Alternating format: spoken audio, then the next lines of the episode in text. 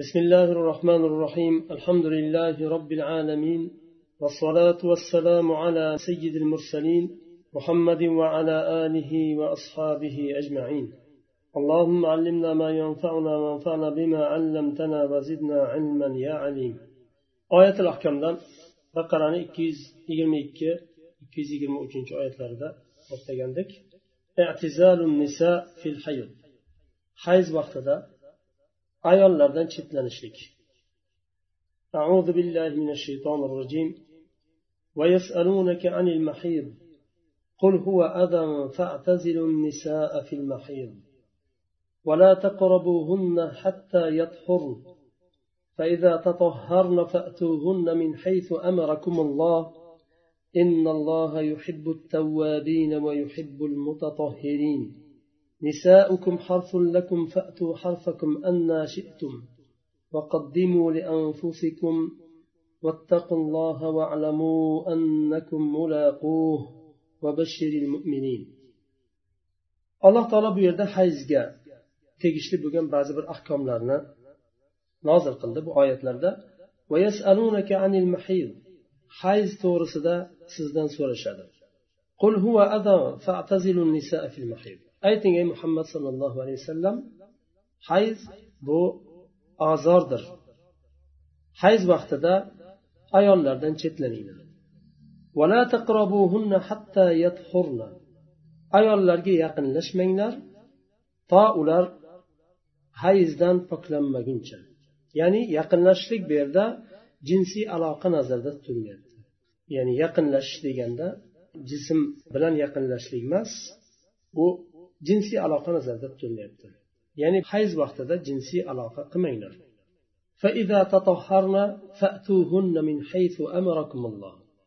Hayzdan poklanib chiqqandan keyin alloh taolo buyurganidek yaqinlik qilinglar.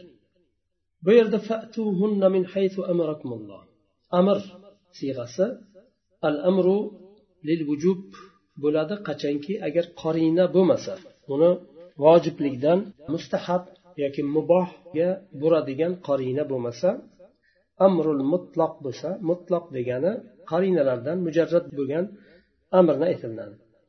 Agar amrul mutloq bo'ladigan bo'lsa vojibga dalolat qiladi. Bu yerda amr bo'lyapti lekin mutloq emas. Alloh taolo bir narsani man qilib undan keyin izn beradigan bo'lsa amr siyg'asida kelsa bu izn bu amr vojib deyilmaydi. Ya'ni bir narsani man qilgan narsani muboh qildi deyiladi. Ya'ni bu amrdan oldin nahiy o'tgan bo'lsa bu nahiy o'tganligi dalolat qiladiki qorina bo'lib ya'ni amrni vojibga dalolat qilmasligini bildiradi. Ya'ni qorina nima bu yerda deyilsa bu amrdan oldin nahiy o'tdi deydi. Alloh taolo bir narsani man qildi nahiy qildi qilmanglar deb undan keyin shuni qilinmasligini bir muddat bilan bog'ladi. Shu muddat bitishi bilan qilinglar dedi. Qilinglar degani bu amr aslida. Ho'p allohni amri bu. Endi vojibmi deyilsa yo'q vojib emas bu muboh. Chunki nahiy qilingan narsani izn berdi. Bu ham usuliy qoida ya'ni amrul mutloq yadullu lil vujub ya'ni mutlaqo amr bo'ladigan bo'lsa qarinalardan mujarrad bo'lgan amr bo'lsa u holatda u amr buyruq vojibga dalolat qiladi. Agar qorina bo'lsa amrni vujubdan chiqaradigan vojiblikdan ya'ni yo muboh yo mandub bir boshqa hukmga buradigan qarina bo'ladigan bo'lsa u amr vojibga dalolat qilmaydi.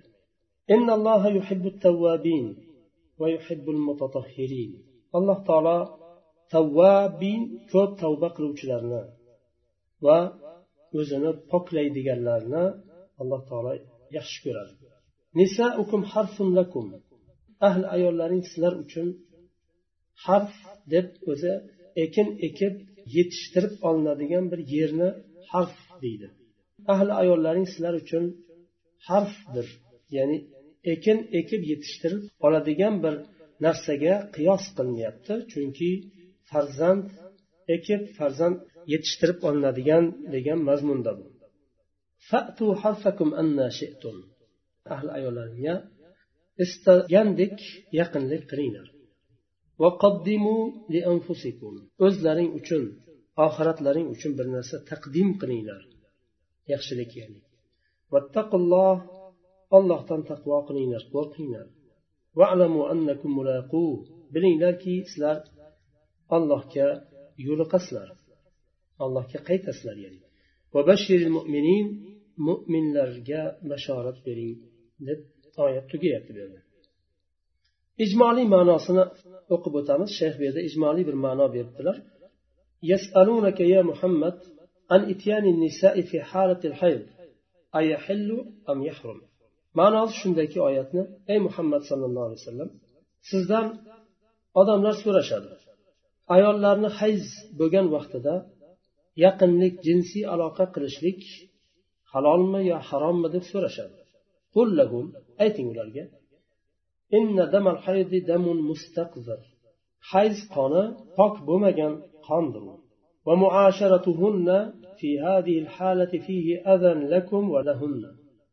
bu holatda hayz vaqtida ular bilan jinsiy aloqa qilishlik sizlarga ham ozor ayollarga ham ozor bu vaqtda ayollar bilan jinsiy yaqinlik qilishdan chetlaninglar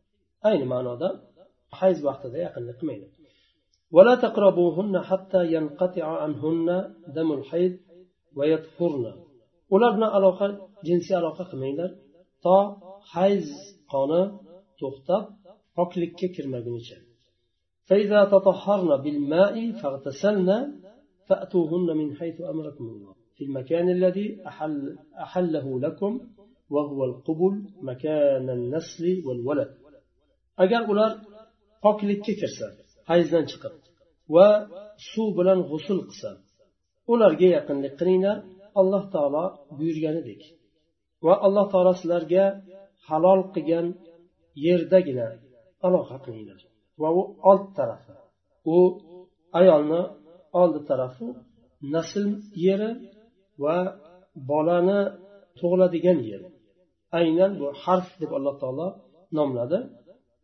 bolani tug'iladigan yeri va nasl yeri ولا تأتوهن في المكان المحرم الدبر فإن الله يحب عبده التائب المتنزه عن الفواحش والأقذار والله تعالى حرام قيان yerga yaqinlik qilmanglar ya'ni u orqa tarafi alloh taolo tavba qiluvchi bandalarni yaxshi ko'radi va fohisha va pok bo'lmagan narsalardan o'zini poklagan bandasini alloh taolo yaxshi ko'radi ثم أكد تعالى النهي عن إتيان النساء في غير المحل المعهود الذي أباحه للرجال فقال ما معناه نساءكم أيها الناس مكان زرعكم وموضع نسلكم في أرحامهن يتكون الجنين والولد فأتوا نساءكم كيف شئتم ومن أي وجه أحببتم بعد أن يكون في موضع النسل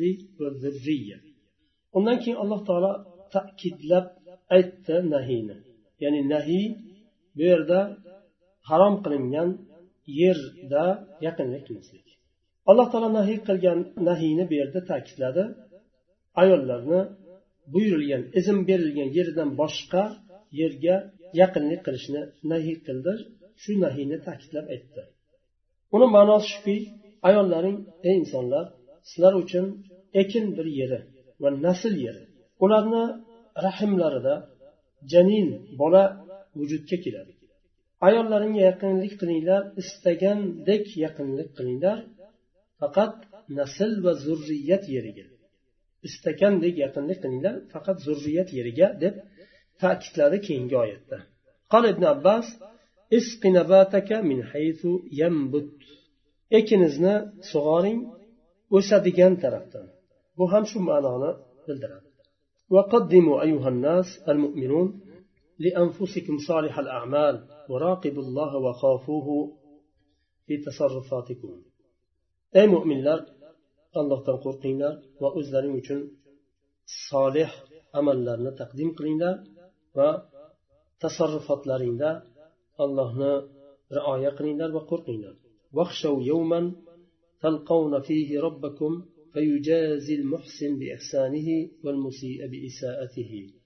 الله كي يلقى ديان kundan qo'rqinglar u kunda alloh taolo muhsin insonni yaxshilik qilgan insonni yaxshiligi bilan jazolaydi mukofotlaydi va yomonlik qilgan insonni yomonligi bilan jazolaydi وبشر المؤمنين بالكرامة والسيادة والنعيم المقيم في دار الكرامة mo'minlarga bashorat bering karomat uyida jannatda ne'mat va karomat ikrom ya'ni va abadiy qoladigan ne'mat bilan bashorat bering sababi nuzul bu oyatni nozil bo'lishlik sababi أولا عن أنس رضي الله عنه قال كانت اليهود إذا حاضت امرأة منهن لم يآكلوها ولم يشاربوها ولم يجامعوها في البيوت.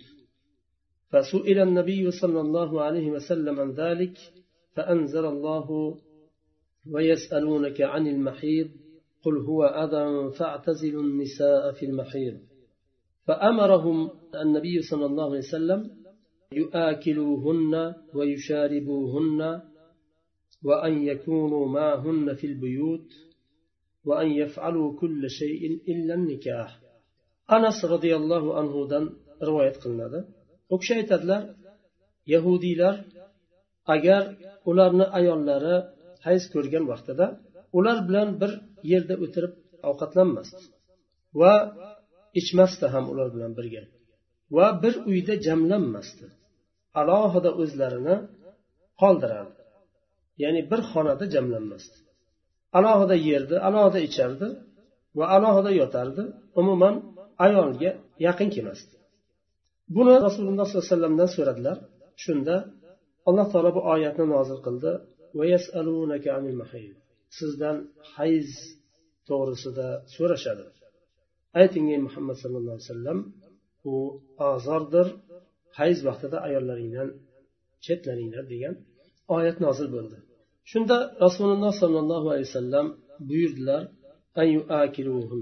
ular bilan birga o'tirib yeb ichishga buyurdilar va ayollar bilan hayz bo'lgan vaqtida uyda birga bo'lishga buyurdilar. xonada va ular bilan hamma narsa qilishga izn berdilar har qanday narsa nikohdan boshqasi ya'ni jinsiy aloqadan boshqa فقالت اليهود ما يريد محمد أن يدع من أمرنا شيئا إلا خالفنا فيه يهود لا aytdiki muhammad biror bir narsani qoldirmasdan hammasiga bizga xilof chiqdi dedi فجاء عباد بن بشر وأسيد بن حضير إلى رسول الله صلى الله عليه وسلم. فأخبراه بذلك وقال يا رسول الله أفلا ننكحهن في المحيض؟ فتمعر وجه رسول الله صلى الله عليه وسلم حتى ظننا أنه غضب عليهما. فاستقبلتهما هدية من لبن فأرسل لهما رسول الله صلى الله عليه وسلم فسقاهما فعلم أنه لم يغضب يعني أنه كره كلامهما ولكنه صلى الله عليه وسلم لم يحمل في نفسه عليهما. عباد بن بشر بن أسيد بن حضير رسول الله صلى الله عليه وسلم يقول وشو خبر نبي يهود لأن سوزن. وأيت يا رسول الله حيث وقت دا لك جنسي علاقة قميمزنا يعني so'rashyapti bir hukmni bilishlik uchun. Rasululloh sollallohu alayhi vasallamni muborak yuzlari qizardida biz o'yladikki u kishi ikkalasidan xafa bo'ldilar g'azablandilar deb o'yladik. Va men sut hadya keltirdim buni rasululloh alayhi vasallam ikkalasiga berdilar va ular ichishdi bundan. Shundan ular bilishdiki rasululloh alayhi ularga qarshi g'azablanmaganliklarini tushunishdi. Lekin ularni so'zinigina karih ko'rdilar. hayz bo'lgan vaqtida jinsiy aloqa qilmaymizmi degan so'zni karih ko'rdilar lekin shunga qaramasdan rasululloh alayhi qalblarida hech qanday ularga qarshi bir narsa saqlamadilar buni u kishini fe'llari sollallohu alayhi vasallamni kelgan hadiyani ularga berib ikrom qilishliklaridan bilindi ثانيا وعن جابر رضي الله عنه قال كانت اليهود تقول من أتى امرأته في قبرها من دبرها كان الولد أحول. فنزلت نساؤكم حرث لكم فأتوا حرثكم أن شئتم. الأحول الذي يكون نظره غير سديد ويرى الشيء على غير حقيقته. ikkinchisi bu sabab nuzul jabir roziyallohu anhudan rivoyat qilinadi u kishi aytadilar yahudlar aytardi kim ahli oilasiga ya'ni bu orqa tarafdan jimo qilishlik orqa tarafdan oldiga jimo qilishlik ya'ni duburiga emas quburiga agar shu holatda jinsiy yaqinlik qilsada va farzand bo'ladigan bo'lsa bolasini ko'rishi noto'g'ri bo'lib tug'iladi. Ya'ni ko'zida kasallik bo'ladi ko'rishida naqs bo'ladi kamchilik bo'ladi. Shunday derdi yahudlar. Ularga qarshi bu oyat nozil bo'ldi. Ayollaring sizlar uchun nasl yetishtiruvchi bir nima? Sizlarni nasl yetishtiradigan va nasllaringni ko'payishiga sabab bo'ladigan ayollaringga istaganlaringdek yaqinlik qilinglar deganda eng muhimi shu duburiga qilinmasa yetarli. Istaganlaringdek deb alloh taolo izn berdi. Ya'ni yahudiylarni bu so'zi botil ekani bu oyat bilan bayon bo'ldi ahvol deganda ahvol nima? Ko'rishi to'g'ri bo'lmaydi. Bir narsani noto'g'ri ko'radi. Bir narsani haqiqatiga ko'ra ko'rmaydi. Boshqa bir holatda ko'radi. Bu narsani alloh taolo inkor qildi. Demak bundan tushuniladi jinsiy aloqa istagan shaklda dinda izn berildi. Faqatgina duburga yaqin kelmaslik sharti bilan shu yerda to'xtaymiz keyingi darsdan shar'iy ahkomlardan boshlaymiz سبحانك اللهم وبحمدك أشهد أن لا إله إلا أنت أستغفرك وأتوب إليك